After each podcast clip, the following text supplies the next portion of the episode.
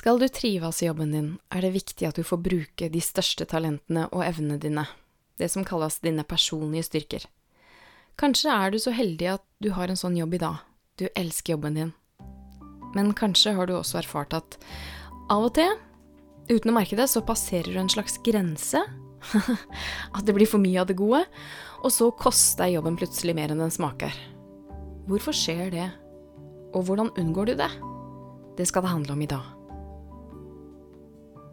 Du lytter til Med hjertet for jobben, en podkast om stressmestring og arbeidsglede, selvledelse og karriere. Mitt navn er Kristin Weholt. Jeg hjelper deg med å trives på jobb, takle stress og utvikle deg i riktig retning ved hjelp av målretta coaching og forskningsbaserte online-kurs. Du finner meg på kristinweholt.no. Personlige styrker er ikke det samme som faglig kompetanse personlige styrker er de evnene du har, som er typisk deg. Og det her er ikke noe du har lært som et skolefag. Da faller det naturlig å bruke styrkene dine, særlig i møte med nye situasjoner. Da er styrkene gjerne det du faller tilbake på, det trikset som, som alltid funker. Og du får til og med energi av å bruke styrkene dine. Og her er vi jo ved det som også kan skape problemer, men Mer om det snart. Først så vil jeg gi deg noen eksempler på personlige styrker, så du vet hva det kan være snakk om. Personlige styrker kan være utholdende, analytisk, systematisk, hjelpsom, omsorgsfull, kreativ eller engasjert, og du kan sikkert komme på mange flere styrker. Det her er bare noen få eksempler. På tross av hva mange tror, så er det fullt mulig å ha riktig jobb og likevel utvikle alvorlig stress. Kanskje har du sagt men jeg elsker jo jobben min, og likevel så har du kjent på mye stress. Da er det en viss sjanse for at det du elsker ved jobben din, antagelig også er det som får deg ut i uføret, de personlige styrkene dine. I den elskede jobben din får du bruke styrkene til gangs, og derfor så har du sikkert oppnådd mye i den jobben, du har gjort det bra, og du har fått anerkjennelse. Du føler deg verdifull. Og det her, det er deg på ditt beste. Og det kommer helt naturlig. Du kan, du kan være deg sjøl. Og fordi det å bruke de personlige styrkene dine gir deg energi, så gir du jernet. Ja takk, mer av det. det sier arbeidsgiveren din. Og selvfølgelig elsker du jobben, da. Men alle styrker har en skyggeside. Dine gullgruver kan bli dine fallgruver hvis du overbruker styrkene dine. Det heter overslag. Du tar for mye Møllers tran. Jeg vil ta deg med på noen scenarioer der de personlige styrkene dine blir fallgruver snarere enn gullgruver, om ikke du klarer å balansere de. Scenarioene tar for seg styrker jeg typisk møter hos de jeg coacher for stress, men det kan være andre styrker du har som skaper stress for deg når det blir for mye av det gode. Det viktige her er at du forstår effekten styrkene har på deg, og arbeidet du gjør når de brukes for mye. Ta gjerne fram penn og papir nå, for du skal få noen coachende spørsmål som kan være til hjelp. La oss si at en av dine personlige styrker er å være hjelpsom. Du er den hjelpsomme. Hva skulle vi gjort uten deg? Du som alltid hjelper til. Å være lagspiller og ja-menneske er høyt verdsatt i arbeidslivet. Du er vennlig og snill, og derfor hjelpsom og du får energi av å hjelpe. Noen trenger et par ekstra hender, og du stiller opp hver gang. Så folk spør. Hver gang. Bare hyggelig, sier du. Og vips, alle oppgaver som ingen andre vil gjøre, de har ditt navn skrevet på seg. Det er så kjekt å spørre deg, for du sier alltid ja. Klart vi må hjelpe hverandre, sier du. Selv om det ikke alltid faller deg like naturlig å be om hjelp sjøl. Så det blir mye på deg. Altfor mye på deg. Jeg må lære meg å si nei, har du helt sikkert tenkt. Det er lettere sagt enn gjort. Fordi det faller deg helt naturlig å si ja.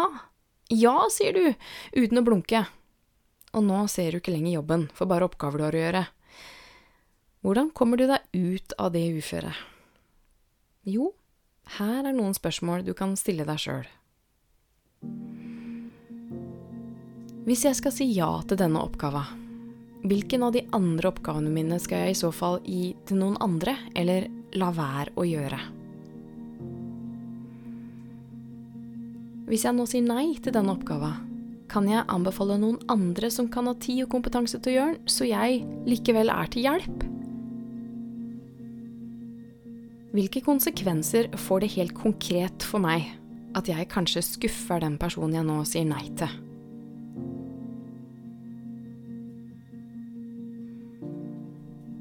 La oss si at du er den omsorgsfulle. En av dine personlige styrker, det er å være omsorgsfull. Å, for en deilig kollega du er, som alltid har fem minutter ekstra, som alltid blir til en halvtime ekstra, til en kollega som bare må ventilere om det kjipe hun har opplevd. Alltid empatisk, alltid forståelsesfull, den som står i problemene sammen med den som strever. Du ser alle rundt deg, og du bærer deres bør. Det er din default innstilling. du, er den, du er typisk den som baker kanelsnurrer til det vanskelige møtet og tar ansvar for å skape god stemning. Og du tror på det beste i folk. Du er sikker på at bare du gir i nok, så vil de få det bra. Kollegaene dine elsker deg. Kundene dine også. Eller elevene dine, eller brukerne dine, eller pasientene. Typisk at du havner i et omsorgsyrke. Du føler at du gjør en forskjell og det gir deg energi. Og når du kommer hjem fra jobb, så er det mer av det samme. Du lytter og gir, er aldri til bry. Du, nei, det går fint med deg, du har ikke noe å klage på. Det gjelder å ha litt perspektiv på ting. Du er så god til å sette ting i perspektiv at ditt eget perspektiv, det har du glemt. Men hvor henter du det fra, alt det du gir til andre? Er du virkelig en Sareptas krukke som bare kan gi og gi i det uendelige? Ikke det? Så still deg sjøl følgende spørsmål. Hva er mine egne kilder til fysisk og psykisk overskudd? Hvis jeg skulle gjøre tre ting for meg sjøl hver dag som sikrer mitt overskudd, hva kunne det være? Hvem kan jeg alliere meg med som kan hjelpe meg med å holde meg sjøl ansvarlig for å gjøre de tre tinga hver dag? Ok, du er den engasjerte. en av dine personlige styrker er at du blir så engasjert. Du, er, du har et stort engasjement, og særlig jobben din. Alle arbeidsgiveres drøm. Du elsker jobben din. Du går opp inn med hud og hår. Og det du ikke kan fra før, det lærer du deg fort for egen maskin. Så du er forberedt og deltar alltid aktivt i alle møter. Du får ting til å skje. Du har en del meninger, og du blir lytta til, så når teamet ditt står fast i noe, så ser alle på deg. Du har jo alltid et forslag. Så du graver opp et forslag til noe dere kan gjøre. Og forslaget ditt, det gir deg energi, så du tar ansvar for å gjøre det du foreslår. Digg! Du løste et problem. Det er deilig å mestre ting. Snart får engasjementet ditt en egen kraft. Du durer videre, etter ting du kan lære, problemer du kan løse. Du lærer mer, og du får til mer. Det skummer for baugen din, aldri et kjedelig øyeblikk. Og engasjementet ditt, det smitter, så folk vil ha deg med på alt. Du blir bare litt utålmodig noen ganger. Når de andre i teamet ikke engasjerer seg like mye. Når de bare sitter der Hallo! du bare sæler på og drar mer av lasset. Snart drar du lasset aleine. Eller det føles i hvert fall sånn. De andre er så treige. De er så lite ambisiøse. Går ikke an å tenke større. Du ser et potensial. Du har en visjon. Alle skryter av deg. Du er så flink. Du har så drive. Du peiser på. Men ingen kjenner det samme eierskapet som du kjenner til visjonen din det blir et svare strev. Og til slutt så kneler du, utslitt og desillusjonert. Om bare du kunne stoppa litt før og stilt deg sjøl følgende spørsmål. Framfor å komme opp med alle ideene sjøl, hvilke spørsmål kan jeg stille teamet som får de til å delta i problemløsninga, og på den måten føle større eierskap til løsningen og oppgavene som må gjøres? Fremfor å gi oppgava til den som kommer opp med ideen. Hvem i teamet har faktisk best forutsetninger for å løse oppgava på en god måte? Hva skal til for at jeg får gjennomslag for ideene mine hos lederen min, så lederen min kan frigjøre nødvendige ressurser, så jeg slipper å gjøre alt sjøl og slite meg ut? Du har all grunn til å være stolt av styrkene dine. De er jo gullgruva di. Du trenger å bruke de for å trives i jobben din. Kanskje er ikke de tre styrkene jeg har nevnt nå, hjelpsom, omsorgsfull og engasjert blant de styrkene du av og til bruker for mye. Kanskje har du andre styrker som blir dine fallgruver. For alle tilfellers skyld så vil du være tjent med å reflektere over hva dine største styrker er, og hvordan de ser ut når du bruker de for mye.